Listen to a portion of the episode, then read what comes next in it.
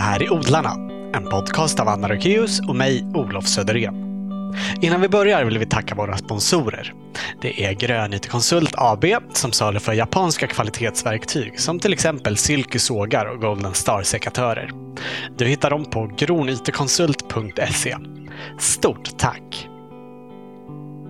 Vi sponsras också av Hasselfors Garden.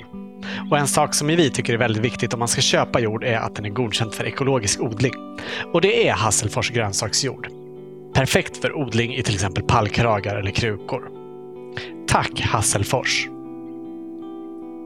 Det här avsnittet sponsras också av jordnära tunnelväxthus. Förutom just tunnelväxthus säljer de automatiska bevattningssystem.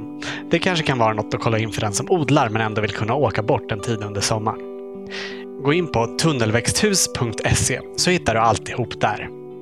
Tack! Utan sponsorer hade vi inte kunnat göra den här podden. Vår medverkande i det här avsnittet heter Pella Thiel. Hon är ekolog och bor och odlar på en liten gård på Ingarö i Stockholms skärgård. Utöver odlingen ägnar hon sig åt att prata, skriva och utbilda om omställning, naturens rättigheter och ekopsykologi. Ja, allt det och en massa mer pratar vi om i den här intervjun. Från Ingarö den 23 maj. Varsågoda, Pella Thiel. Vill du börja med att berätta om den här platsen? Ja, eh, den här platsen är Skenora gård. Och eh, vi har just fått upp de här gamla kartorna här på väggen bakom mig. Eh, Det var roligt. Ja, den har, det har funnits som gård sedan 1500-talet i alla fall, Mm. vet man. Men min familj har bott här sedan 50-talet, när min mormor köpte det här. Så att jag är uppväxt här. Och eh, det, det är ett väldigt litet, väldigt extensivt lantbruk på, i, på Ingarö i Stockholms skärgård. Ehm, Hur stor är gården? det, ja, den är mellan 30 och 40 hektar. Det beror lite på hur man räknar med vatten och sådär. Så jag kommer faktiskt inte ihåg. Nej. Och det mesta är liksom hällmarkstallskog och sen så finns det så små åkerlappar. Och vi har lite får. Det är som en hel halva ser ut på kartan. här. Ja, just det, men det där är hela Östernäs. Så gården är, om du ser Ah, ja, sjön inte- där, Ja. så gården är liksom söder om sjön kan man säga. ja. Men här är, här är nordöstra hörnet på Ingarö som man ser på kartan, så det är där det ligger. Mm. Och ehm, ja, vi har lite, en liten fårflock och två grisar och två hönsflockar. Det är allt. Och så har ni en hel del odlingar. Ja, vi har ju en ambition att få, liksom få mer av våra behov täckta från den här platsen. Så vi jobbar med att utvidga odlingarna lite sakta och sådär. Mm. Och du har bott här sedan du var sex år. Ja. Jag är ganska rotad här. Ja. Mm. Men inte riktigt hela tiden sedan dess. Nej, inte riktigt. Jag har varit på andra platser också. Ja.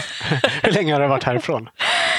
Nej, men jag bodde väl i stan eh, ja, ett par, tre år ungefär. Eh, men jag tyckte det var lite...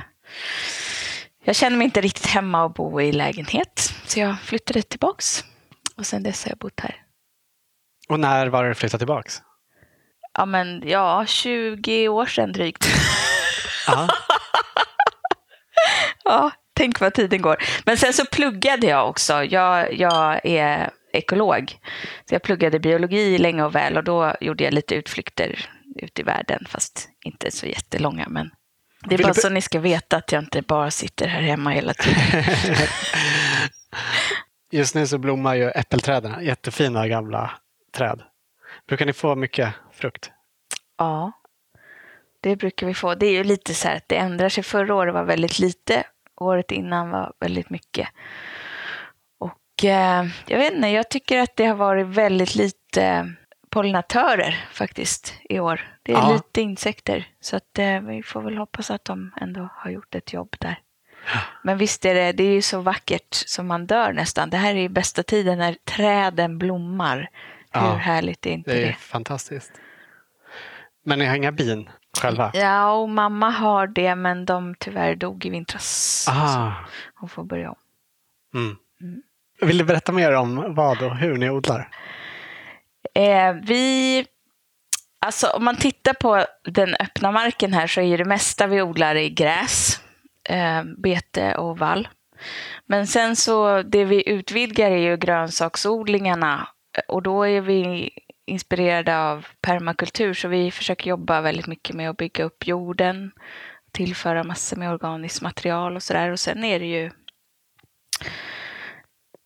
man kan väl säga att de, de här, det som ser ut som lite större odlingar nu, det började med att vi byggde ett växthus. Ja, ett stort växthus. Som är 100 kvadrat mm. stort. Och då blev det som en plats liksom, som var väldigt tydlig. Så här, men där, dit går man, där vill man vara, där vill man odla. Och då är det ju ja, men det som gillar att vara i växthus. så gurkor och tomater och aubergine och några vinrankor och sådär. Men sen så blev det att från den platsen så har det liksom växt utåt eh, på det som är egentligen åkermark. Och eh, det är ja, grönsaker, alla möjliga, de vanliga. Mycket potatis, lök, majs, rödbetor. Ja, ni vet. Ja. Det där. Du berättade här innan att Bettan och Doris har hjälpt till att bygga den här odlingen. Eller hur? Precis. Men jag, jag, min första karriär, yrkeskarriär är egentligen som djurvårdare. Så jag jobbade som djurvårdare och har alltid liksom älskat djur. Så för mig är det här med att integrera djuren i odlingen en jätteviktig del. Så att Bettan och Doris, det är grisarna. Och de har hjälpt till att liksom plöja innan. Så först, först kommer grisarna och så gör de sitt bästa jobb med kvickrot och allting. Hur pass rent eh, blir det från kvickroten? Det, det blir inte så jätterent kan man säga. Alltså det beror lite på vad man har för grisar. Ja. Det första året då hade de kultingar. Och då när man har en flock unggrisar, de, är ganska, de gör ett bra jobb. Men liksom de där lata gamla suggorna, de, de gör inte det. Eh, så då kommer de och sen så kör vi potatis och sen har liksom jorden kommit igång så då kan man jobba vidare. Smart. Hur gamla är Bettan och Doris? De är de fyller fem i ja, höst. De är gamla för att vara grisar. Ja, i, det är de. Verkligen. I, eh, ja, i vårt samhälle i alla fall. Ja, precis. De, de har haft... Eh, Doris är nog steril. Eh, Bettan har haft tre kullar. Och de senaste faktiskt med ett vildsvin som pappa. Oj, det hände, in, hände det helt spontant? Ja. ja, och det roliga var att vi hade ingen aning om att det fanns vildsvin ens förrän den stod i hagen. Oj, jaha, har vi vildsvin här? Eh, ja, det hade vi. Och det är ganska praktiskt, för då slipper man ha en galt. Ja. Men nu har vi inte sett dem på ett tag, så nu, nu vet jag inte. ja, det måste bli jättegulliga ungar. Ja, de var väldigt söta. Ja. Du har ju varit med och startat omställningsnätverket. vi har pratat lite om omställningsrörelsen i andra program. Mm. Eh, men vill du ändå ge oss en introduktion? Ja, eh, omställningsrörelsen är en gräsrotsrörelse av människor som ser vad som händer i världen med alltså alla de kriser som vi egentligen står mitt uppe i med liksom snabba förändringar i både i klimatsystemet och i ekosystemen och därmed också liksom sociala system. Och det uppstår en massa spänningar på olika sätt. Och så vi försöker ha en slags systemrespons på det. Okej, okay, det här innebär att vi måste verkligen tänka efter hur vi lever, vad vi baserar vår civilisation på. Och då ser vi att den är baserad på fossila bränslen mycket mm. och, och, den extremt liksom, kraftfulla energin som, som de fossila bränslena innebär.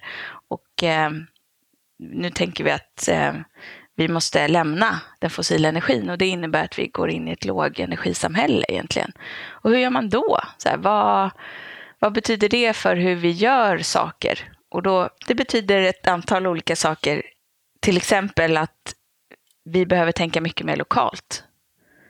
Vad finns där vi är egentligen och hur kan vi fylla en större del av våra behov där vi är. Och det betyder också att vi behöver bli mycket bättre på att samarbeta med varann. Alltså den här äh, stora ständigt ökande inflödet av energi i våra samhällen har ju betytt att vi ganska mycket liksom kan klara oss själva och göra saker själva och sådär. Och det har ju varit fantastiskt bra på många sätt. Eh, men det förutsätter att vi kan, kan få energi utifrån. Och kan vi inte det så måste vi nog börja samarbeta och göra saker tillsammans igen. Och hur kan vi göra det på ett sätt som är liksom roligt och, och um, eh, kreativt? Det undersöker vi i omställningsrörelsen. Och egentligen så handlar det mycket om att se att ja, men, vårt samhälle som är beroende av så mycket inflöde utifrån är väldigt sårbart. Alltså inte minst när det gäller odling och livsmedelssystem och sådär. Vi är ju helt beroende av eh, både inflöde av mat till mm. Sverige, men också inflöde av eh, insatsvaror som konstgödsel och bekämpningsmedel och sådär som hela vårt livsmedelssystem bygger på. Mm. Och eh, om man skulle tänka sig att det inte kan upprätthållas, vilket vi då tror att det vare sig liksom är möjligt eller önskvärt egentligen, eh, då måste vi göra saker på ett helt annat sätt. Och det gör att vi är väldigt, väldigt sårbara. Så att omställningsrörelsen, vi försöker bygga resiliens mm. lokalt, alltså förmågan att hantera förändringar på ett produktivt sätt. Men det handlar inte om prepping, att förbereda sig för kollapsen, så som man hör att vissa gör. Samla konserver och eller hur? Med vattenflaskor i källaren och sånt där. Nej, det där är så himla intressant. Så fort man säger så här, hörni, vi står inför kriser, vi behöver hantera dem, då tänker folk direkt på prepping. Eh, och nej, vi, våran respons handlar inte om prepping. Och jag tänker att det finns, alltså skillnaderna handlar om till exempel eh, tid att vi tänker att det här handlar om att vi behöver ändra hur vi lever på lång sikt. Liksom. Vi behöver göra en förändring i hur, vi, hur vi ser på utveckling, vad det är att vara människa i världen. Och så. Och då handlar det ju om, ja men vi kanske har ett, ett perspektiv som är på hundra års eller tusen års sikt. Medan prepping, där handlar det ofta om att hantera ganska kortsiktiga katastrofer. Liksom typ, nu i veckan tror jag skickar ju MSB ut den här broschyren mm. om, om krig och katastrof. Och där är det så här, ja du ska klara dig i... De har just gjort en jättestor förändring ju. Hur är det? Förut skulle man klara sig 72 timmar. Och nu är det typ en vecka eller någonting. Eh, och det är väldigt få som... Jag har inte fått den, läst den än. det är väldigt få som gör det. Men, men i omställningsrörelsen så tänker vi så här, ja men det handlar inte om 72 timmar, det kanske snarare handlar om 72 år. Och då blir ju responsen helt annorlunda. Så här, du kan inte, det spelar ingen roll hur många konservburkar du har om dina grannar inte har det. Liksom. Så att här handlar det snarare om så här, men inte hur ska jag och min familj klara oss under ett år eller fem år eller vad det nu kan vara. Utan snarare hur ska vi tillsammans leva på den här planeten framöver? Mm. Så att det är ett, mycket, liksom, ett svar i mycket, mer, mycket större omfattning kan man säga. Det, så det är egentligen förändringar liksom på ett samhällsplan snarare än på individnivå? Ja, precis. Och en annan grej som, som gör mig väldigt attraherad av omställningsrörelsen, det är att det också faktiskt det blir som en eh, det blir en existentiell fråga. Vi har ju i omställningsrörelsen en idé om att för att göra den här yttre omställningen av samhället, av våra liksom, system och infrastruktur och så, mm. så måste vi också göra en inre omställning av oss själva och hur vi ser på världen och vad vi tycker är viktigt och så. Och då är det inte bara att vi gör saker annorlunda utan också att vi faktiskt är annorlunda, att vi har en annan närvaro i världen och med varandra och med naturen och så där. Och det är oerhört spännande att utforska det. Har du alltid varit intresserad av de här frågorna? Ja, jag är nog eh, jag är, jag är ett lite dåligt exempel. Annars är det så kul med sådana här som bara, ah, och så hände det här och då vaknade jag. Eh, men nej, jag har alltid varit, jag har nog alltid varit väldigt intresserad av naturen och, och från början djuren då. Och sen så blev jag väldigt engagerad i miljörörelsen, så jag har jobbat mycket i Naturskyddsföreningen på olika sätt och så. Eh, bland annat varit ordförande för Naturskyddsföreningen eh, i Värmdö mm. länge. Men jag, jag blev liksom mer och mer frustrerad över att svaren som kommer från miljörörelsen och från hela liksom hållbarhetssfären, de är otillräckliga. De tar inte tillräckligt mycket i utmaningarna för att det ska matcha. Liksom. De utmaningar vi har matchas inte av den respons som vi får från samhället. Nej. Eh, du, du, har i andra sammanhang pratat om att debatten ofta snarare handlar om någon sorts plåster på såren än de mer djupgående förändringar som egentligen behöver göras. Precis. Och då, det där är väldigt det, det, blev väldigt frigörande för mig när jag träffade på omställningsrörelsen. Bara, just det, eh, man får tänka lite djupare. Man får ifrågasätta lite djupare och då, det ger en kraft att göra det. Så att jag, ja, jag, jag fick en väldig kraft av omställningsrörelsen. Ja. Men skulle du säga att omställningsrörelsen är liksom helt separerad från det vi, vi vanligen ser som miljörörelsen? Nej, absolut inte. Och det är ofta samma människor som är eh, involverade i de här. Men jag upplever omställningsrörelsen som mycket mer holistisk, eh, mycket mer på ett systemplan. Liksom. Att det handlar inte bara om hur människan lever i relation till naturen, det handlar också om hur jag lever i relation till mig själv mm. och hur jag lever i relation till dig. Alltså, man, kan, man kan tolka omställning som, också som en demokratifråga till exempel. Ja, men så du menar att man liksom angriper problemen på ett annat sätt?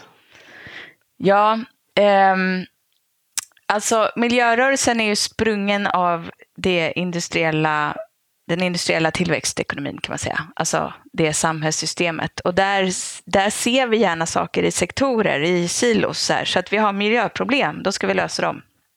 Vi har klimatproblem, eh, då ska vi släppa ut mindre. Eh, vi har eh, rättviseproblem, då ska vi minska klyftorna. Och där vi är nu så tror jag att vi behöver snarare se på så här, men vad är det som driver det här systemet? Mm. Varför sitter vi där vi sitter nu? hur kan vi göra saker på ett annat sätt? Som och, och omställningsrörelsen menar jag gör det. Det går tillräckligt djupt för att snarare titta på system skifte. Och det här har ju funnits i miljörörelsen också. Liksom. Men jag upplever nog att man har gått ifrån det eh, liksom civilisationskritiska projektet som också har funnits i miljörörelsen till att snarare bli så här, ja, men den duktiga problemlösaren. Så vi, ska, vi ska prata om lösningar. Ja, fast det kanske inte går att lösa de här sakerna en sak i sänder, utan vi måste fundera på, ja, men om vi har ett system som till exempel bygger på separation mellan människa och natur, som drivs av ekonomisk tillväxt, då, då jag tror som Einstein det går inte att lösa de problemen med samma sätt att tänka som skapade problemen, utan då måste vi tänka på ett annat sätt. Och i omställningsrörelsen så finns det utrymme för tillräckligt djupt ifrågasättande för att faktiskt komma med en annan respons som är mer adekvat, menar jag. Alltså, jag tror inte att vi kan upprätthålla det samhällssystem som vi lever i särskilt mycket längre. Därför att vi, det går inte att, som vi gör nu, så systematiskt öka uttagen av resurser från naturen. Så varje år så tar vi ut mer resurser än vi gjorde året innan. Och det kan man göra ett tag, men man kan inte göra det hur länge som helst. Men vi har liksom ingen mekanism idag för att vända det. Nej. Och det innebär att ja, då kommer vi att vända i alla fall, men det kommer inte vara särskilt skönt. Och i omställningsrörelsen så funderar vi över så här, ja, eh, vad, hur blir det då? Och hur kan vi göra för att möta den förändringen snarare än att liksom drabbas av den? Mm.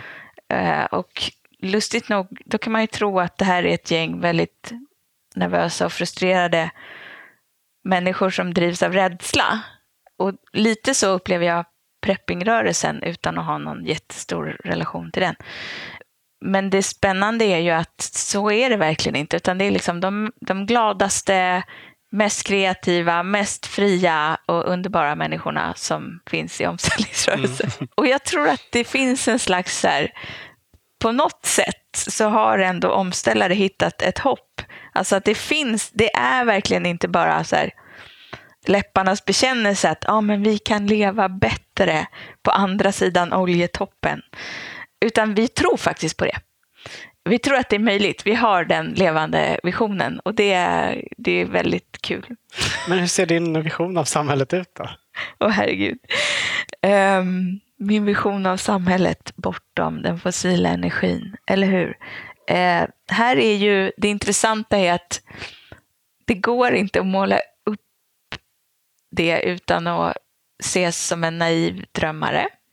Så det är inte så stor idé att jag försöker liksom måla det i klara färger. Men, men um, det som jag tänker kring det, det är väl så att vi har ju fått fantastiskt mycket så här, i vår del av världen, får man komma ihåg, ja. har vi fått väldigt mycket genom den fossila energin. Fantastiskt Absolut. mycket som ingen av oss vill vara utan. Mm. Och det har också kostat oss väldigt mycket som vi inte heller vill vara utan och som börjar visa sig nu. Det har kostat oss kontakt med, med de levande systemen, med naturen. Det har kostat oss relationer till andra människor, till våra föräldrar, till våra barn och inte minst liksom till oss själva. Så vi har tappat bort ganska mycket. Vi har, trots att vi har aldrig någonsin varit så materiellt rika som vi är här i Sverige idag, så har vi liksom enormt mycket frustrationer, rädsla, ilska, depression är en folksjukdom i det här landet. Alltså det är ju helt sjukt. Och sen så finns det också människor som jag som är jättestressade över all, allt som händer på andra platser på grund av liksom, de avtryck som vi ger för att vi använder så otroligt mycket mm. resurser. Så att jag tänker att mycket av det som vi faktiskt vill ha i våra liv, när vi får tid att fundera över vad som verkligen är viktigt, så är ju det, det handlar nästan alltid om relationer. Mm. Relationer med andra människor och med naturen. Och inte minst också med maten, tänker jag. Liksom bra mat som man vet var den kommer ifrån. Mm. Och inget av det är särskilt resurskrävande faktiskt. Men det är inte förrän man faktiskt ifrågasätter sånt som den ständiga konsumtionen eller den ekonomiska tillväxten eller så. Det är inte förrän man gör det som man faktiskt börjar titta på lösningar som, som på riktigt fungerar. Som tar oss någonstans. För att nu, alltså mycket i hållbarhetsdebatten idag handlar om att ja, men vi, vi måste göra saker lite mindre dåligt. Eh, vi tar ut lite mindre vi kör mindre bil, flyger mindre, äter mindre kött och så. Och en följdtanke där som finns hos väldigt många människor som jag möter, det är så här, okej, okay, eh, om jag bara sitter väldigt still här och inte gör någonting, då kan jag åtminstone inte göra skada. Det vore nästan bättre om jag inte fanns, eller om människor inte fanns. Det skulle ju vara mycket bättre för alla andra här på planeten. Och det där är en tanke som är liksom den är ju den är väldigt självutplånande och inte särskilt kreativ. Nej. Och då, då, då, då, och då handlar det om att så här, omdefiniera människans roll lite. Okej, okay? mm. eh, kan vi lämna den tanken att vi bara ska göra saker mindre dåligt och fundera över istället, okej, okay, men vad kan jag göra som är bra? Som är, som är liksom produktivt, kreativt, någonting som tar oss i den riktningen där vi vill vara och, där, och med hänsyn till den större helhet som, som vi ingår i. Och eh, det är mycket så som omställare jobbar. Ja, fast utan då att det är tekniken som ska lösa allting. För, ja. för så blir det ju ofta också ja. när man pratar om hur vi ska kunna eh, förändra samhället ja, för det till, blir, till att bli hållbart. Liksom. Precis, det blir ju responsen om man inte vill, om man inte vill lämna den här liksom antropocentriska Tanken. och det är väldigt svårt, liksom, för många samhällsaktörer så är ju det oerhört svårt. Alltså om det är idag vårt systems främsta drivkraft, då blir det ju att svära i kyrkan och säga så här, nej men hörni, vi kan nog inte ha ekonomisk tillväxt. Eh, så att för de allra flesta liksom, större aktörer så går inte det riktigt att göra. För då får man inte vara med, liksom. då får man inte eh, ta tid. Och då blir, vad blir svaret då? Så här, ja, vi ser problemen, men vi kan inte ifrågasätta drivkraften. Ja, men då måste vi fixa det här på något sätt. Och fixet blir ju då tekniken. Eh, och det räcker inte. Nej, det, Nej. all forskning säger ju att det inte gör det. Eller hur? Det är inte ens, alltså det, det, finns inte, det börjar inte ens att lösa problemen. Vi har jobbat med ny teknik för att effektivisera. Det har vi liksom gjort i hundra år. Och det har bara gått hand i hand med ökad resursförbrukning, Ja, aldrig med bara- minskad. Så att det där är, jag fattar inte riktigt, jag tycker det är fascinerande att vi, att vi godtar det svaret fortfarande. Mm. att vi bara, ja ja, ja men då så. så. Men om man då ska liksom ställa om till ett samhälle där man inte är beroende av olja till exempel.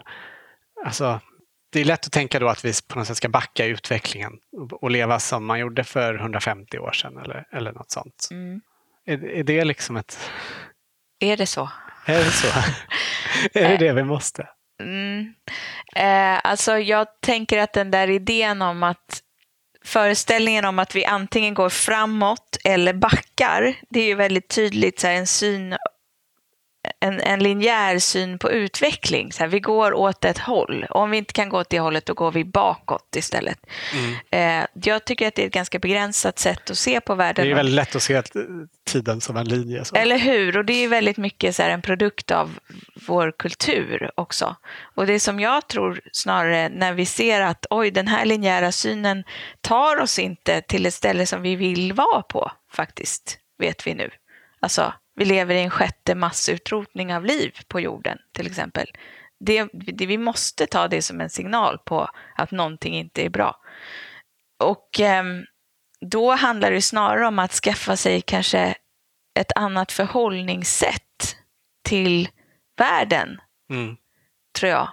Som handlar mer om att istället för att se liksom det mänskliga projektet som en linjär utveckling åt ett håll som har varit i linje med mer och mer liksom separation, eh, så kanske det handlar snarare om att se ja, men hur kan vi bli bättre på att samspela med de levande systemen, på att bättre ingå, vara vara bättre medspelare i den här levande helheten som vi ingår i. Och då handlar det kanske snarare om att här, utveckla annan sorts Mm. teknik. In- All teknik som vi det som vi i allmänhet pratar om när vi pratar om teknik, det är sånt som kommer utifrån jordskorpan med hjälp av väldigt mycket energi och som är också ofta väldigt giftigt.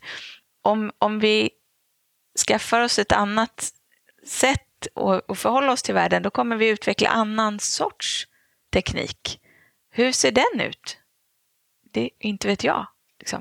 Nej. Men vi är, en, vi är en kreativ varelse så att jag tror säkert att vi kommer att hitta på en massa väldigt spännande saker men jag skulle önska att det var sånt som, som eh, inte innebar att vi behövde blunda för att det uppstår en massa skador oftast någonstans långt bort på ekosystem och människor som vi aldrig behöver se. Mm. Så att vi kan ta ett större ansvar. Jag är väldigt intresserad av ord. Jag tycker också att det ordet är väldigt fint. Ordet ansvar, alltså att svara an på någonting. Och nu får vi en massa signaler om att det som vi kallar utveckling idag är skadligt. Mm. Ja, hur svarar vi an på det? Vad förändrar vi med Precis. i, vår svar, i vårt svar? Liksom? Om man då ser att det är skadligt så finns det ju egentligen inget heller som säger att det var framåt. Alltså om man nu stannar kvar vid den liknelsen. Eller hur? Vad, vad är det framåt nu? Men, eh, men om man då tänker sig tiden före industrialiseringen och, och att det livet på något sätt var mer hållbart än så som vi lever idag. Det var ju kanske inte heller ett medvetet val utan det var ju kanske att man inte hade tekniken som vi har idag. Alltså hade man haft en förbränningsmotor 1850 så hade man väl använt den då också. Ja, visst. Vi har en oerhört djupt rotad föreställning om världen i vår kultur som går ut på att eh, människan är, är eh, en, en sort för sig och allt annat som finns i världen finns till för vår skull. Eh, det här är en tanke som är ganska djupt rotad i kristendomen till exempel Mm. och också i liksom hela det vetenskapliga paradigmet där vi blir bättre och bättre på att utnyttja naturen för vårt eget välstånd. Eh, så den tanken är ju oerhört gammal. Alltså den är, finns redan från de gamla grekerna och sen så förstärktes den av kristendomen och sen förstärktes den ytterligare av eh, upplysningen och den vetenskapliga revolutionen. Så att egentligen det som de fossila bränslena gjorde, det var ju bara det att de gav energi till det förhållningssättet. Och de gav så mycket energi så att vi blev otroligt effektiva på att omvandla världen till vår, vår egen nytta. Och egentligen liksom inte vår nytta utan bara så här, den västerländska civilisationen. Det är ju en massa människor som, som eh, har det svårt nu på grund av liksom, den här så kallade utvecklingen. Ja, för att det också finns någon sorts eh, orättvisa inbyggt i det. Verkligen. Mm. Så att det är inte bara, det är ju snar, liksom, de fossila bränslena var energin men tanken är äldre än mm. industrialismen. Mm. Är det hållbart att utforma samhället som vi gör idag? Alltså, kan vi ha städer till exempel? Alltså på något sätt har ju de vuxit fram av just den här ja, effektiviseringen. Att absolut. färre människor har behövt jobba med att odla mat ja. och fler har kunnat jobba med annat. Oh, vilken bra fråga. har skapat städer dit allting mm. liksom strömmar in utifrån på något sätt. Ja. Kan vi ha städer? Nej, absolut inte. Ja, det känns lite som att det ofta ja. finns någon sorts klyfta där. När ja, men precis. Alltså, vi, vi, har ju vi har oerhört starka drivkrafter idag som är till exempel urbaniseringen och globaliseringen. Båda de här tas för självklara. Det är så utveckling ser ut. Liksom. Vi blir mer stadsboende och vi har en, en allt mer globaliserad ekonomi. Eh, och de processerna kommer att avstanna, tror jag definitivt.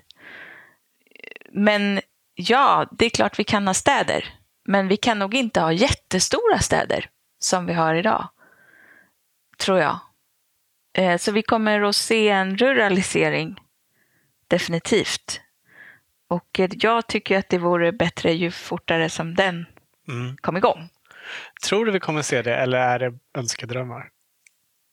Jag är helt övertygad om att vi kommer se det. Frågan är när. Och, och hur mycket som, som ska ha pajat liksom, innan det händer. Mm. Jag tror inte... Eller vad ska man säga? Alltså, man kan ju tänka sig att ruraliseringen blir en effekt av att människor som bor i staden inte kan få mat.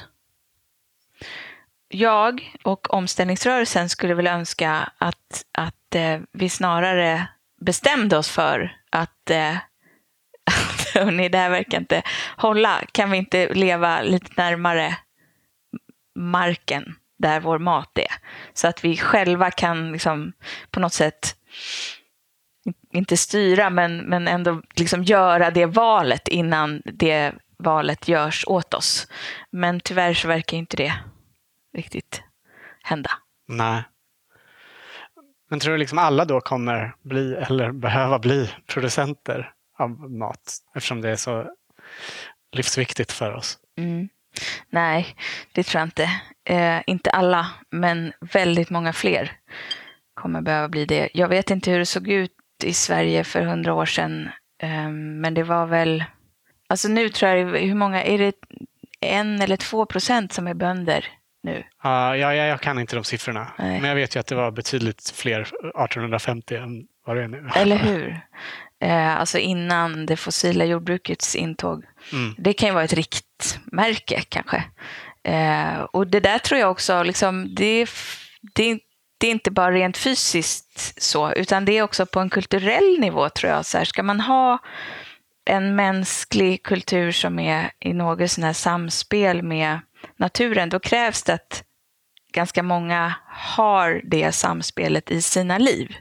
För att vi ska liksom, ja, förstå att vi är en del av naturen, vilket vi idag har glömt. Mm. Så man kommer liksom kunna ha kanske vissa andra roller, tänker du? Lärare, läkare och skomakare, men inte... ja, ja, det tror jag absolut. Trubadur, tror jag. Ja.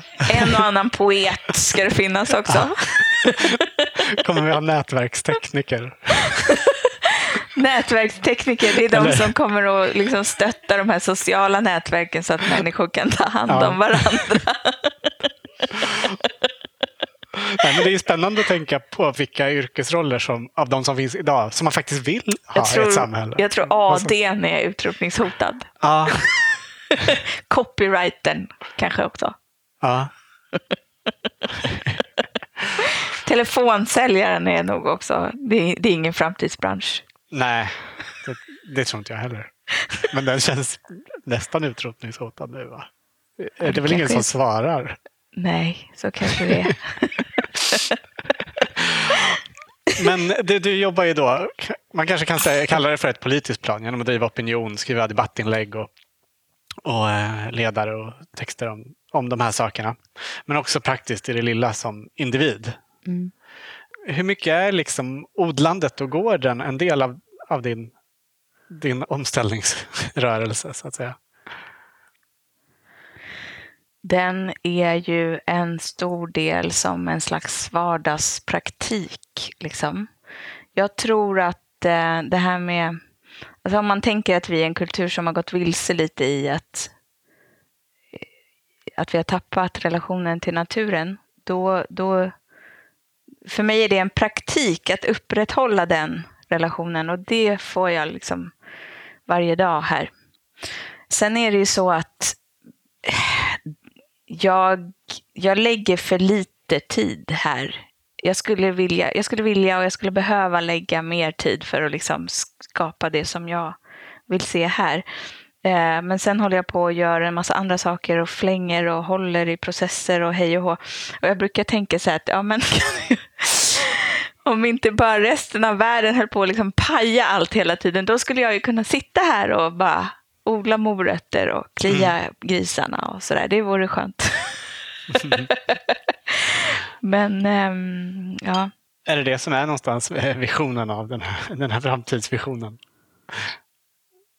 ja, ehm, ja verkligen. Alltså och, och, och bygga relationer till en plats eller till platser och människor som finns där.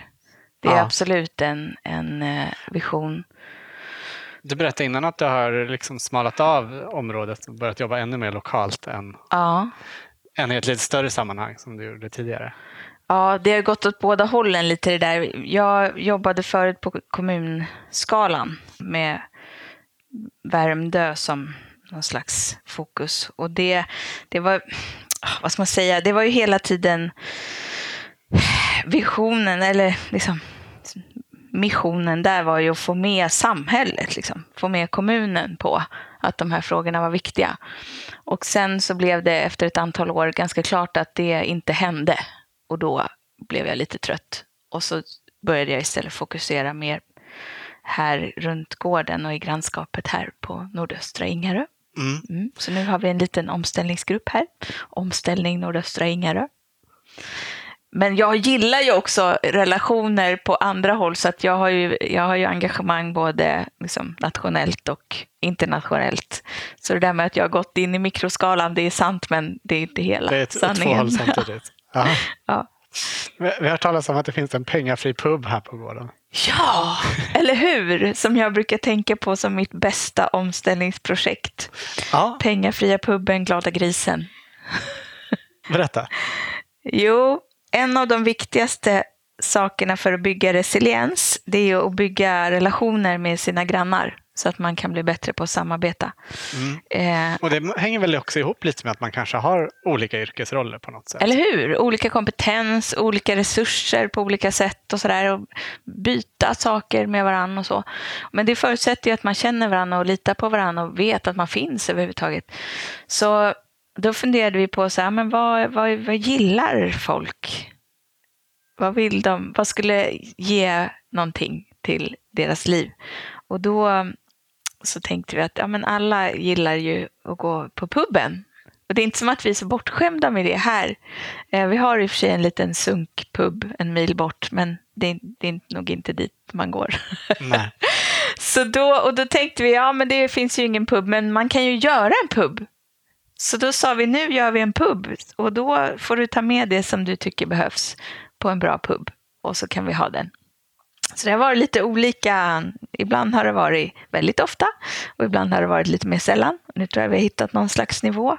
Vad brukar folk ta med? Ja, men de tar med, alltså det är helt fantastiskt. De tar verkligen med Alltså mycket öl och vin, men vi har en tysk man som tar med öl som han gör. Eh, vi har haft andra också som tar med öl med skojiga namn som de gör. Och sen är det ju liksom mat, ofta sånt som folk har ja, men, jagat eller fiskat eller sådär. Mm. Det är någon sorts eh, öppet knytis kan man säga. Ja, precis. Och så tar de med också sånt som olika bilder på grisar och darttavlor och sådana saker. Men det är så kul för det kan vara folk som har bott i generationer här i krokarna men de har liksom aldrig träffats. Och så Nej. träffas de på puben och, så, och därifrån byggs det liksom ytterligare aktiviteter och relationer utåt. Så det är, det är jättekul. Mm. Roligt. Mm. Du sa ju att du nästan alltid har bott här. Och mm. du berättade för oss innan att din mamma är väldigt engagerad i odlingarna också. Jag antar att det alltid har funnits odling omkring dig? Mm. Alltså jag kommer ihåg jag kommer faktiskt ihåg när mamma etablerade sitt grönsaksland. Så att, och det betyder ju någonstans att hon ändå började med det när jag var liksom medveten. Så det var, fanns en startpunkt i alla fall. Och så kommer jag ihåg att hon introducerade potatishinken, kallar vi det. Och det var ju en, en kompost helt enkelt. Där skulle man lägga sånt som skulle komposteras och så skulle det komma ut till potatislandet. Därför hette det potatishinken. Den var röd. Kommer jag ihåg. Ehm, men ja, hon har ju alltid hållit på. Eh, jag började nog lite senare. När, när började det för dig?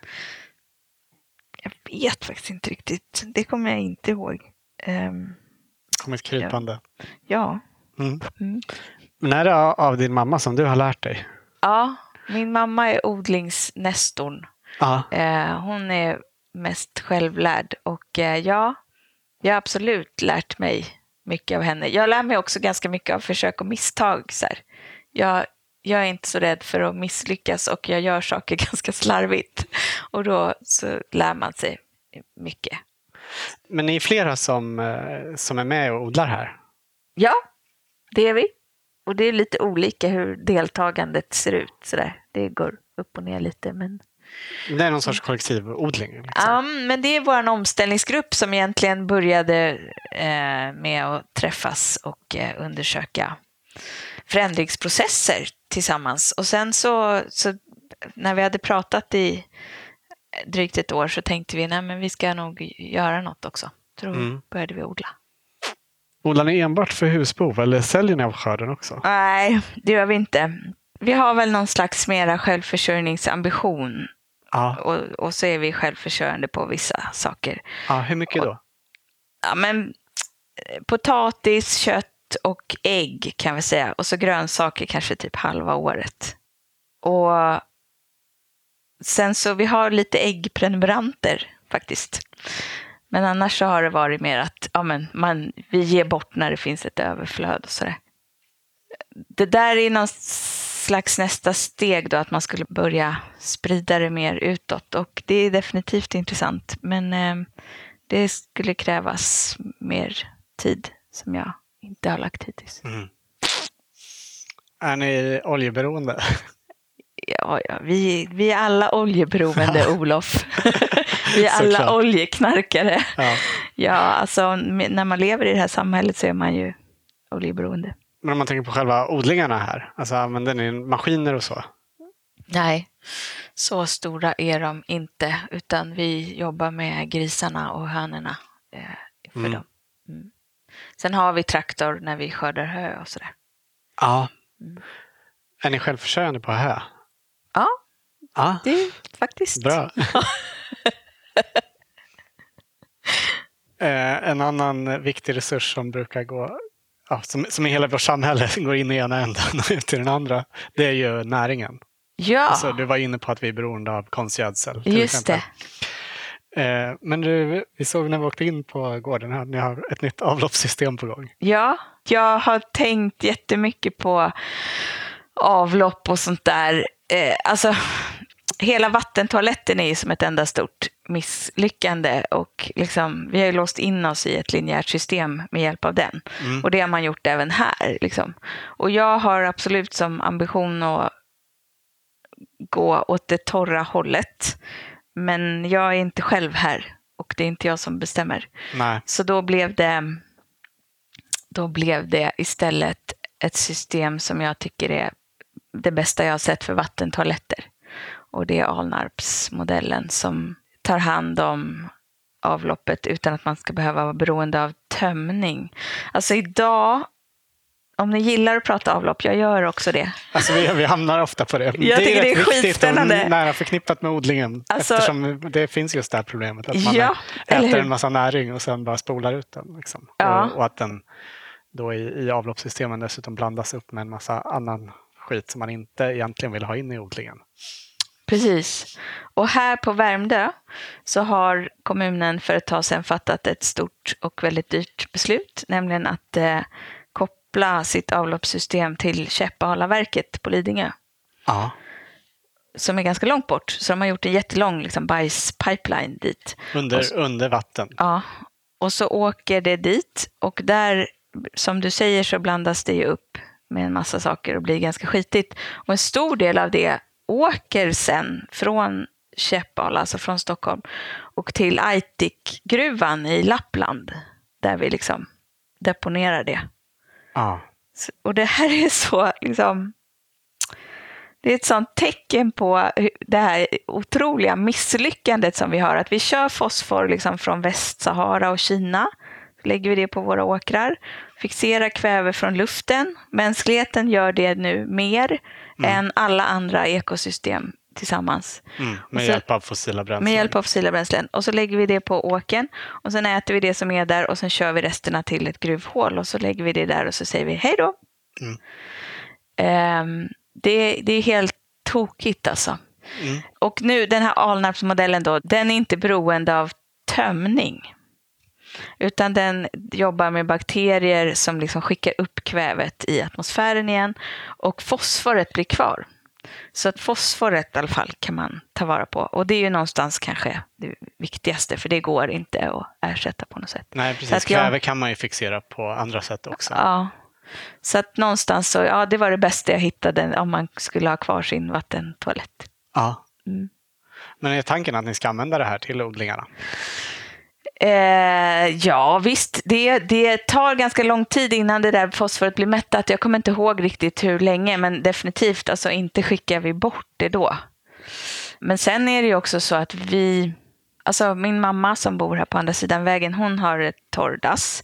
Jag tänker också göra ett torrdass som man kan då använda den som vill det. Mm. Och sen så ska mamma ska också titta på, och det här borde, det borde ni verkligen åka och hälsa på honom, eh, han som har utvecklat den, den bästa torrlösningen som finns som heter Kompostera. Mhm. Som är en, en torrtoalett som egentligen, den är, den är fantastiskt eh, trevlig. Liksom. och så behöver man inte tömma den på decennier. Okej. För att den bygger på att det är så stor eh, yta så att man, eh, avfallet minskar sin volym. Så om det ryms tre år där så ryms det egentligen 30 år. I princip. Så eh, en sån lösning ska mamma ha. Men den här avlopps, eh, den här Alnarpsmodellen då, den verkar ju väldigt bekväm för oss som ändå är vana vid vattenklosett. Ja, verkligen. Den verkar eh, jättebra. Så vi ska installera den nu. Mm. Det blir spännande. Ja. Men om man, nu gick vi in fel håll, men om vi hade gått in här, då hade ni sett min lilla potta som står där på trappan. Ah. Och så står det en hink med kol också. Ja, så det är biokol. Ja, det, det, dit brukar jag gå på morgonen. Ja. Och så gör jag min morgonkiss. Och så häller jag på kolet. ja. Bra. Ja. Men jag har hört om de som använder det till, allting i någon sorts utedass. Ja, Liksom, biokol för att ja, dels eh, hindra, hindra lukten och Mm. Också eh, binda näringen på ett bra sätt. Ja, det är genialiskt. Det är Mm. fantastiskt. Så vi går åt det hållet. Men, eh, men sen är det också så här, men om man jobbar med djur, de samlar ju in en massa näringsämnen från ganska stora ytor. Och sen så kan man ta vara på deras gödsel. Så det är ju så, det är så ett kretslopps liksom, lantbruk ofta funkar. Så Mm. att vi har egentligen inte liksom, näringsbrist, det är, ingen, det är ingen issue för oss ännu. Nej, inte lokalt just här. Nej, precis. Sen såg vi att ni tillför näring genom att täcka jorden också. Ja, vi täckodlar så mycket vi kan faktiskt. Och då är det, ja ni såg där ute att det var lite gräsklipp. Man kan se att det finns väldigt mycket mer gräsklipp att skörda här. Mm. Men annars är det mycket strö från djuren som vi täcker med. Mm. Du sa att ni var flera här som skulle vara med och tycka om det här med toaletten. Är, det, är din, eh, din man och rest, familjen i övrigt också intresserade av det här med omställningen? Eh, ja, alltså min man han har ju väldigt mycket liksom det tänkandet och de värderingarna. Sen är han inte liksom, aktiv på ett samhällsplan på samma sätt som jag. Men, Nej. men jag ser, han är ju en del av min omställningsrörelse för eftersom jag är ute och rör mig så mycket så måste han bära ganska mycket här hemma. Så han, det är hans roll. Han är en del av min mission på det viset. Mm. Mm. Odlar han också? Nej, han meckar. Men det här med att bygga en gemenskap i lokalsamhället då? Ja. Hur mycket har ni lyckats med det här? Alltså, man är ju aldrig profet i sitt eget land. Och ehm, jag vet inte. Det är väldigt svårt när man kommer och säger så här, hallå, vi måste leva på ett annat sätt. Det brukar folk inte tycka är så kul. Nej. Och, det, och det är därför puben är liksom... Det är därför sådana grejer funkar bättre. Och det tror jag alla omställningsgrupper har liksom den erfarenheten. Att eh, hellre än att berätta vad vi borde göra så, så kan man skapa någonting som gör att det ändå händer. Och det kan vara en pub eller en loppis eller en rekoring eller vad det nu är för någonting. Liksom. Så att jag, jag kan ju verkligen inte säga att jag har liksom frälst någon här. Men däremot så är det otroligt kul att ha den här lilla anspråkslösa omställningsgruppen som vi har. För att det här är så svåra frågor som man behöver vara fler som stöttar varann på olika sätt i det. Så det, ja, det känns kul. Ja. Men de i den här lilla omställningsgruppen, de bor här, här i Ja, de bor i direkt närhet till er gård. Ja, vi har tre kilometers radie eller något sånt där. Ja. Mm. Det är en lagom skala tror jag. ja. men men eh, på puben då, då kommer det fler än de som är liksom aktiva i, i det här lilla nätverket. Ja. Passar ni på att försöka sprida det här budskapet då? Ja, det är en bra fråga. Eh, ganska lite faktiskt. Eh, den, puben får vara puben. Eh, ibland så påminner vi om, vi om så här varför vi har den och så. Och så det är väl olika hur man uppfattar det. Men det blir lite så här också, jag är en sån tydlig aktör. Så det blir ju alltid som att jag ska predika om jag Mm. börjar göra Som det. du säger när man börjar sä- säga till folk att man ska leva på ett annat sätt så är det många som nej, slår det går ju bakut. fet liksom. bort. Ja. Eh, Så det vi har gjort då, det är, och det som vi ska göra faktiskt om tio dagar, det är vår lilla festival som vi har haft varje vår här. Det här är nog fjärde gången tror jag. Hylla myllan. Och då är det lite mer att vi vrider på det där temat. Så här, ja, men att vi borde bli bättre på att uppmärksamma myllan där vi är och hur vi kan samverka med den mera och hur man gör det, hur man komposterar, vad permakultur är för någonting. Vi har haft lite olika så gäster som håller föredrag. Och, så då blir det lite att vi, att vi gör det tydligare kanske och så brukar vi ha en hylla myllan pub.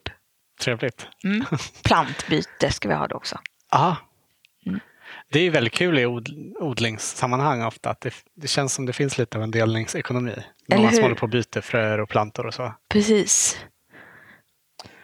Om vi ska prata lite mer om de större perspektiven då.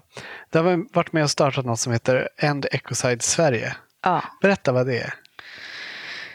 Ehm, det är en del av ett globalt nätverk som tycker att ehm, vi måste göra något åt eh, att vi systematiskt förstör naturen. Och då skulle vi kunna ha en internationell lagstiftning som säger att storskalig miljöförstöring är brottsligt.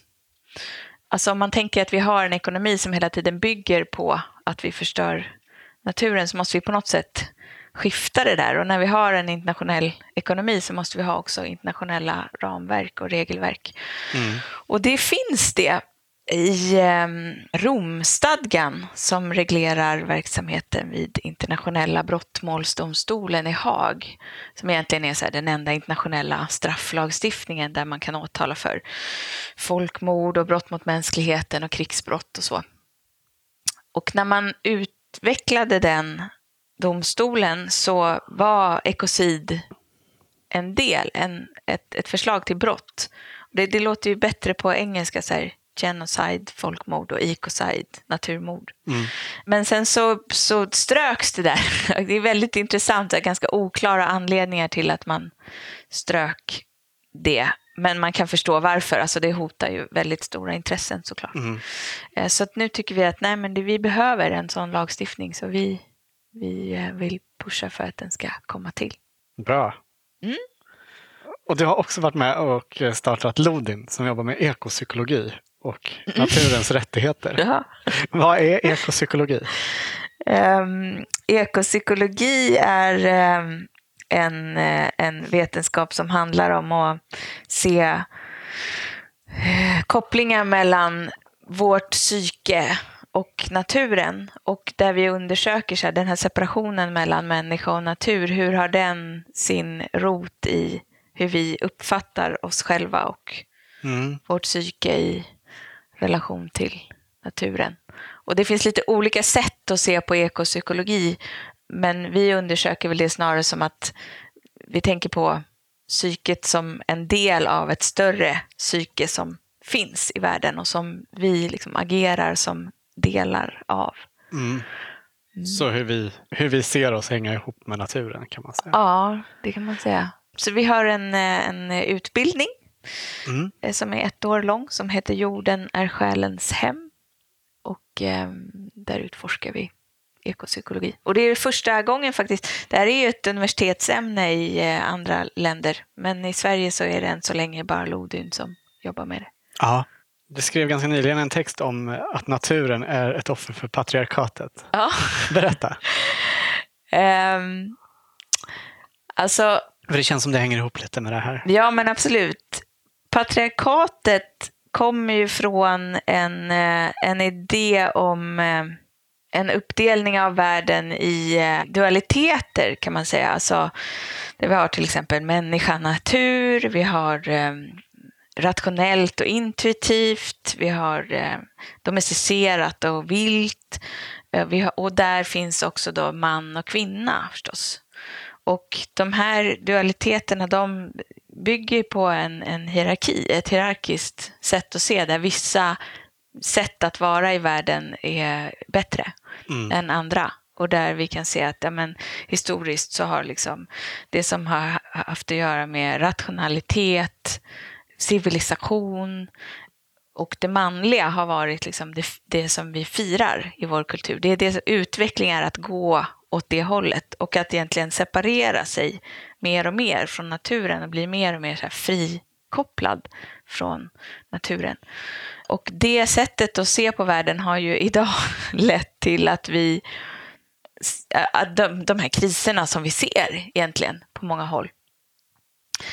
Och eh, det är väldigt intressant att, eller jag tyckte att det var så spännande det som hände under metoo, där kvinnor, liksom där responsen kom från kvinnor, bara nej men nu räcker det, vi kan inte ha det så här längre. Hallå alla, så här ser det ut, det här, så här är det för oss. Då var det väldigt många i miljörörelsen som tyckte bara ja, äntligen. Och så där är det för Moder Jord också. Och det som jag skrev om var att ja, men precis, det är samma mönster som går igen när det handlar om hur vi i vårt samhälle behandlar kvinnor och hur vi i vårt samhälle behandlar Moder Jord eller naturen. Så att hantera de mönstren gör att liksom, det tar oss det skulle kunna ta oss in på en annan och väldigt mycket trevligare utvecklingsväg. Där vi kan ha liksom en, en mycket, bättre, mycket bättre förhållande mellan inte bara män och kvinnor utan också mellan människa och natur. Mm. Tillämpbart på många saker känns som. Verkligen, därför att patriarkatet, eller liksom, menar, patriarkatet är ju en etikett man kan sätta på det här. Det finns ju andra såklart. Eh, men, men eh, det finns några som heter Gaia Foundation och de har uppfunnit det, det begreppet så här, Patrix, ungefär som Matrix. Alltså man kan se att patriarkatet liksom genomsyrar väldigt mycket hur vi rör oss i världen. Som förklaringsmodell tyckte jag det var intressant. Ja, det är det verkligen. Vad skulle du säga att det gör med dig personligen att jobba med de här sakerna? Och framförallt kanske med odlingen? Mm. ja, det är en bra fråga. Eh, åh, mycket gör det.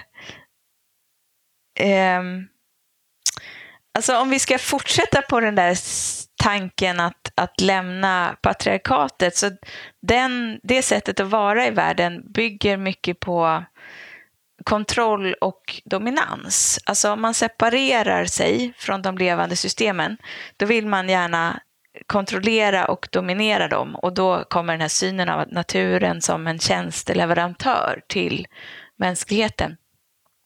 Och när man odlar på i alla fall liksom på det sättet som, som vi odlar, så här småskalig odling och utan särskilt mycket hjälpmedel eller insatsmedel eller sådär, då upptäcker man ju erfarenhetsmässigt att det här med kontroll och dominans, det, så är det inte. Nej. Man kan ha en idé om hur, det hur man vill ha det, men sen händer någonting helt annat. Mm. Alltid. Så att någonstans är det, för mig är det en övning i ödmjukhet faktiskt. Och jag gillar så mycket ödmjukhet i ordet, alltså ni vet på engelska så heter det humble. Och det är samma ord som, som eh, humus eh, och human. Mm. Alltså helt enkelt, det kommer från jorden. Så att den här att vara ödmjuk är liksom att ha en relation till jorden och det är också en del av vad det är att vara människa.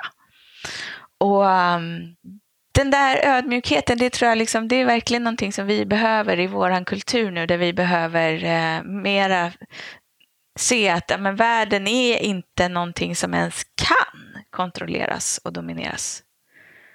Så när vi försöker göra det så talar världen om för oss att nej, nej, det funkar inte nej. att göra det. För att okej, okay, det som ni ville kontrollera, förändringarna där blir då så stora så att det inte överhuvudtaget liksom, ni vet inte vad ni ska göra mer ens. Nej. Och att istället då gå från, från det sättet att vara i världen till ett slags mera så här, lyssnande förhållningssätt och mera liksom, respekt och samspel. Och det är liksom det där är, det vill jag se hända i vår kultur och det förutsätter också att det är flera av oss som faktiskt har den erfarenheten mm. som ibland är jättejobbig. Alltså jag investerade så mycket i de här squashplantorna och sen så, kom, så blev det frost. Ja. Fan! Men så är det liksom. Ja. Men på något sätt kan ju det också vara ett sätt att ta bättre vara på de tjänster som naturen levererar. Alltså om man tänker här permakulturgrejen, liksom att se vad händer här och hur kan vi använda oss av det ja. istället för att eh, bara försöka kontrollera det. Ja, eller hur? Alltså där tar man ju också vara på en, på en tjänst när man Ja. Eh, alltså mikroberna i jorden, deras tjänster. Ja, och jag är lite, eller jag är väldigt skeptisk till det sättet att se att det är en tjänst. Eh, för de är inte där som en tjänst till människan. Nej, Men däremot så är det ju någonting som vi kan dra nytta av och som vi måste dra nytta av för att vi ska leva. Men då handlar det ju snarare om att inte så här, hur mycket tjänster kan vi ta ut från systemet, utan om vi får de här gåvorna, då vill vi också ge tillbaka. Mm. Alltså det här att gå från att ta så lite som möjligt till att faktiskt fundera över ja, men vad kan vi ge tillbaka. Och det har man ju en otroligt tydlig relation till när man är odlare. Så här, ju ja. mer man ger till jorden, desto mer får man tillbaka. Också jättelätt att dra paralleller till mellanmänskliga relationer. Eller hur? Alltså, Eller hur? Det blir väl sällan särskilt bra om man försöker kontrollera ja, någon annan. eller om man funderar eller... över hur mycket tjänster man kan få från någon. Nej. Det brukar inte vara så kul. Nej. i något sammanhang så har vi hört dig uttrycka en oro för att framstå som galen i det här att det är så väldigt liten andel av befolkningen som liksom är inne på de här sakerna. Och Det här med omställningen tänker jag på nu. Ja. Eh, Är du galen? jag tänker det mycket så. Alltså, ja, men visst. Ehm, ju mer man tittar på det här samhället, desto galnare framstår det ju. Mm. Men eftersom de allra flesta människor verkar gå med på att det är på det viset, då måste man ju också vara öppen för möjligheten att det inte är samhället som är galet, utan att det faktiskt är jag. Så det är en tanke som jag prövar ibland. Ja, Ja, definitivt. men det har ändå tryckt en del på Sveriges ganska skeva självbild som miljömedvetet. Ja, verkligen. ja, men i en... Eh, men om vi tänker på miljöproblemen som problem som vi kan lösa så har ju vi i Sverige, om man mäter vissa saker så är vi jämförelsevis bra på att lösa de problemen.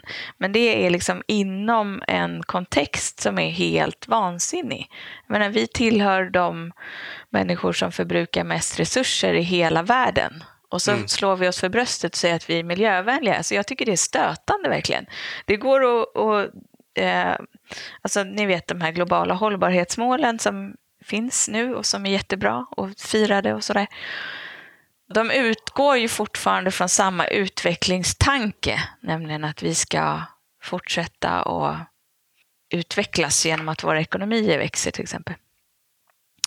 Och där kan man se att de länder som har bäst poäng, liksom, som, har, som lyckas bäst med att uppfylla hållbarhetsmålen, där Sverige ligger, jag tror vi ligger etta eller topp tre eller något i alla fall. De länder som är högst på den listan, det är också de länder som har störst ekologiska fotavtryck hos sina invånare. Mm. Alltså, det, det, det är liksom Det är något väldigt skevt. Det är något väldigt skevt där. Eh, och så länge man inte kan adressera det så blir det ju helt irrelevant. Liksom. Vad, är, vad menar vi då med hållbarhet? Då är det en viss typ av utveckling som ska göras hållbar. Men när den utvecklingen bygger på helt galna premisser, då handlar det snarare om så här, men vad menar vi med utveckling överhuvudtaget? Vad är det som ska vara hållbart? Mm. Så då kanske vi kan slå fast att det är omvärlden som är galen och inte du. Vad skönt. Kanske relativt det där med galenskap. Du sa ju förut att eh, du gärna skulle ha mer tid för gården. Ja. Men att så länge världen inte sköter sig så, så måste du lägga tid på annat. Är du ofta stressad över odlingen? Eh, nej, det är inte en stress faktiskt. Men däremot så är det ju ständigt, alltså jag, jag känner mig ständigt väldigt otillräcklig. Eh, för att det jag vill göra blir inte gjort för att jag har bara två händer och 24 timmar om dygnet.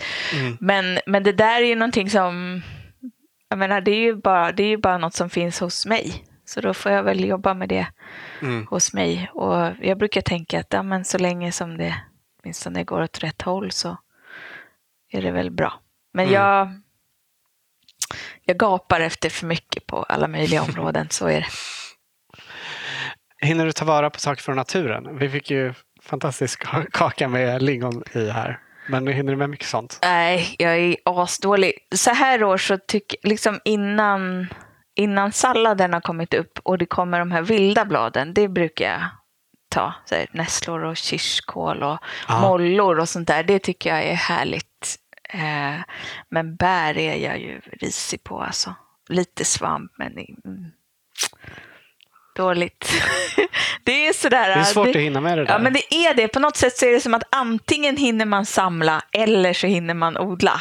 Ja. Och nu har det varit lite fokus på odling och då är det svårt att hinna med samlandet. Ja, vi pratar Mm. varje år om att vi ska pl- hinna plocka mer sånt, men det är väldigt sällan vi hinner. Nu var, nu var jag faktiskt ute för några dagar sedan och plockade jättemycket ramslök, men Ja. ja, det är svårt att hinna med det där. ja. Är det någonting mer som du tycker att vi borde prata om? Ja, jag tycker att vi borde... Nej, jag vet inte. jag tänker på den här hygelbädden. Ah, eh, Där majsen växte. ja, Såg ni det? Har, Ja. ni, har ni tittat på hygel? Vet ni något om hygelbäddar? ja, men vi har pratat om det ett par gånger i, i Odlarna förut. Ja. Men, men berätta, om, berätta om det ni har gjort. Nej, men jag var mest nyfiken på om det verkligen om det, är- om det är så bra som de säger. Ja. Eller om ni visste något. Hur länge har ni haft den? Är den ny för i år? Nej, den är nog, det är nog tredje året i år faktiskt. Ja. Och det var mest så att vi hade en massa gamla stockar som var lite för dåliga för att bli ved. Och så gjorde vi en damm. Det är en liten damm där nere. Eh, och då så la vi stockarna och sen så la vi dammmaterialet liksom över dem. Men efter de här tre åren, är det så bra som de säger? Det är svårt sånt där utan att mäta eftersom det är så många olika... Ja, man måste ju nästan det- göra flera bäddar bredvid varandra Ja, och eller jämföra hur? odla samma Precis. saker. i. Det är så många faktorer hela tiden ju. Men ja, det har funkat jättebra. Kul. Mm. Men är det bra just, känns det som att ni behöver vattna mindre? För, det, för en, en del av det ska väl vara att det liksom binds en massa fukt i och under de här stockarna. Ja, precis. Och att det frigörs lite näring och att det blir ett mikroliv och sådär. Ja. Men, men nu hit, alltså en grej är ju det här att ett, ett makroliv som blir där är sorkar. De tycker det är jättebra ja, att vara de gillar där. att vara där nere. Mm. Mm. Vi, vi testar vidare. Mm. Vi brukar alltid avsluta våra intervjuer med att vår medverkande får ge sitt bästa odlingstips. Har du något sånt att dela med dig av? Mitt bästa odlingstips. Shit vad svårt. Eh, ja, men mitt bästa odlingstips, men nej, men det har ni ju hört tusen gånger. Jag tycker det är väldigt trevligt det här med att man kan använda kartong och bli av med saker. Man lägger ut, kartong finns ju hur mycket som helst Mm. i samhället. kan man ta det och så bara täcker man över allting och sen har man efter ett tag så har man jord utan särskilt mycket ogräs. Ja. Det- Lägger du det på marken och odlar uppe på eller bara täcker med det och sen väntar på att eh, ogräset ska täckas ut? Ja, det senare. Jag täcker ut det. Så nu har Mm. jag lagt kartong och så har jag lagt halm på där. Eh, men vad har jag mer för odlingstips? Jag kanske kommer på något. Ja, men det är väl ett jättebra tips. Eh, Jag har ett till odlingstips, eller faktiskt två. Ja. Och det handlar om det här med att, ja, det handlar om det här med att samarbeta. Alltså att samarbeta med, med jorden. Alltså att Mm. hela tiden så här, mata de som är där i jorden. För att det är de som ser till att, att eh, växterna växer ju. Mm. Eh, så mata dem med allt man kan. Mm. Men också det andra är, handlar om att samarbeta och hitta fler att odla med. För att det är mycket roligare. Man behöver, det beror lite på vad man har för odling, men ganska ofta är det så att det finns rätt mycket plats att odla på. Det som inte finns är händer. Så man kan samla händer, och jag tänker att alla som kan någonting om odling i dagens läge, den där kunskapen är så otroligt viktig, så alla sätt man kan göra för att sprida ut den är bra. Mm. Så hitta någon som liksom som man kan lära sig tillsammans med. Bra. Du, tack så jättemycket för att vi fick komma hit och för att du tog dig tid för oss. Det var jätteroligt. Det var kul att ni ville komma hela vägen hit. Och tack för kaffet och kakan. Jättegott. Härligt. Ta mer!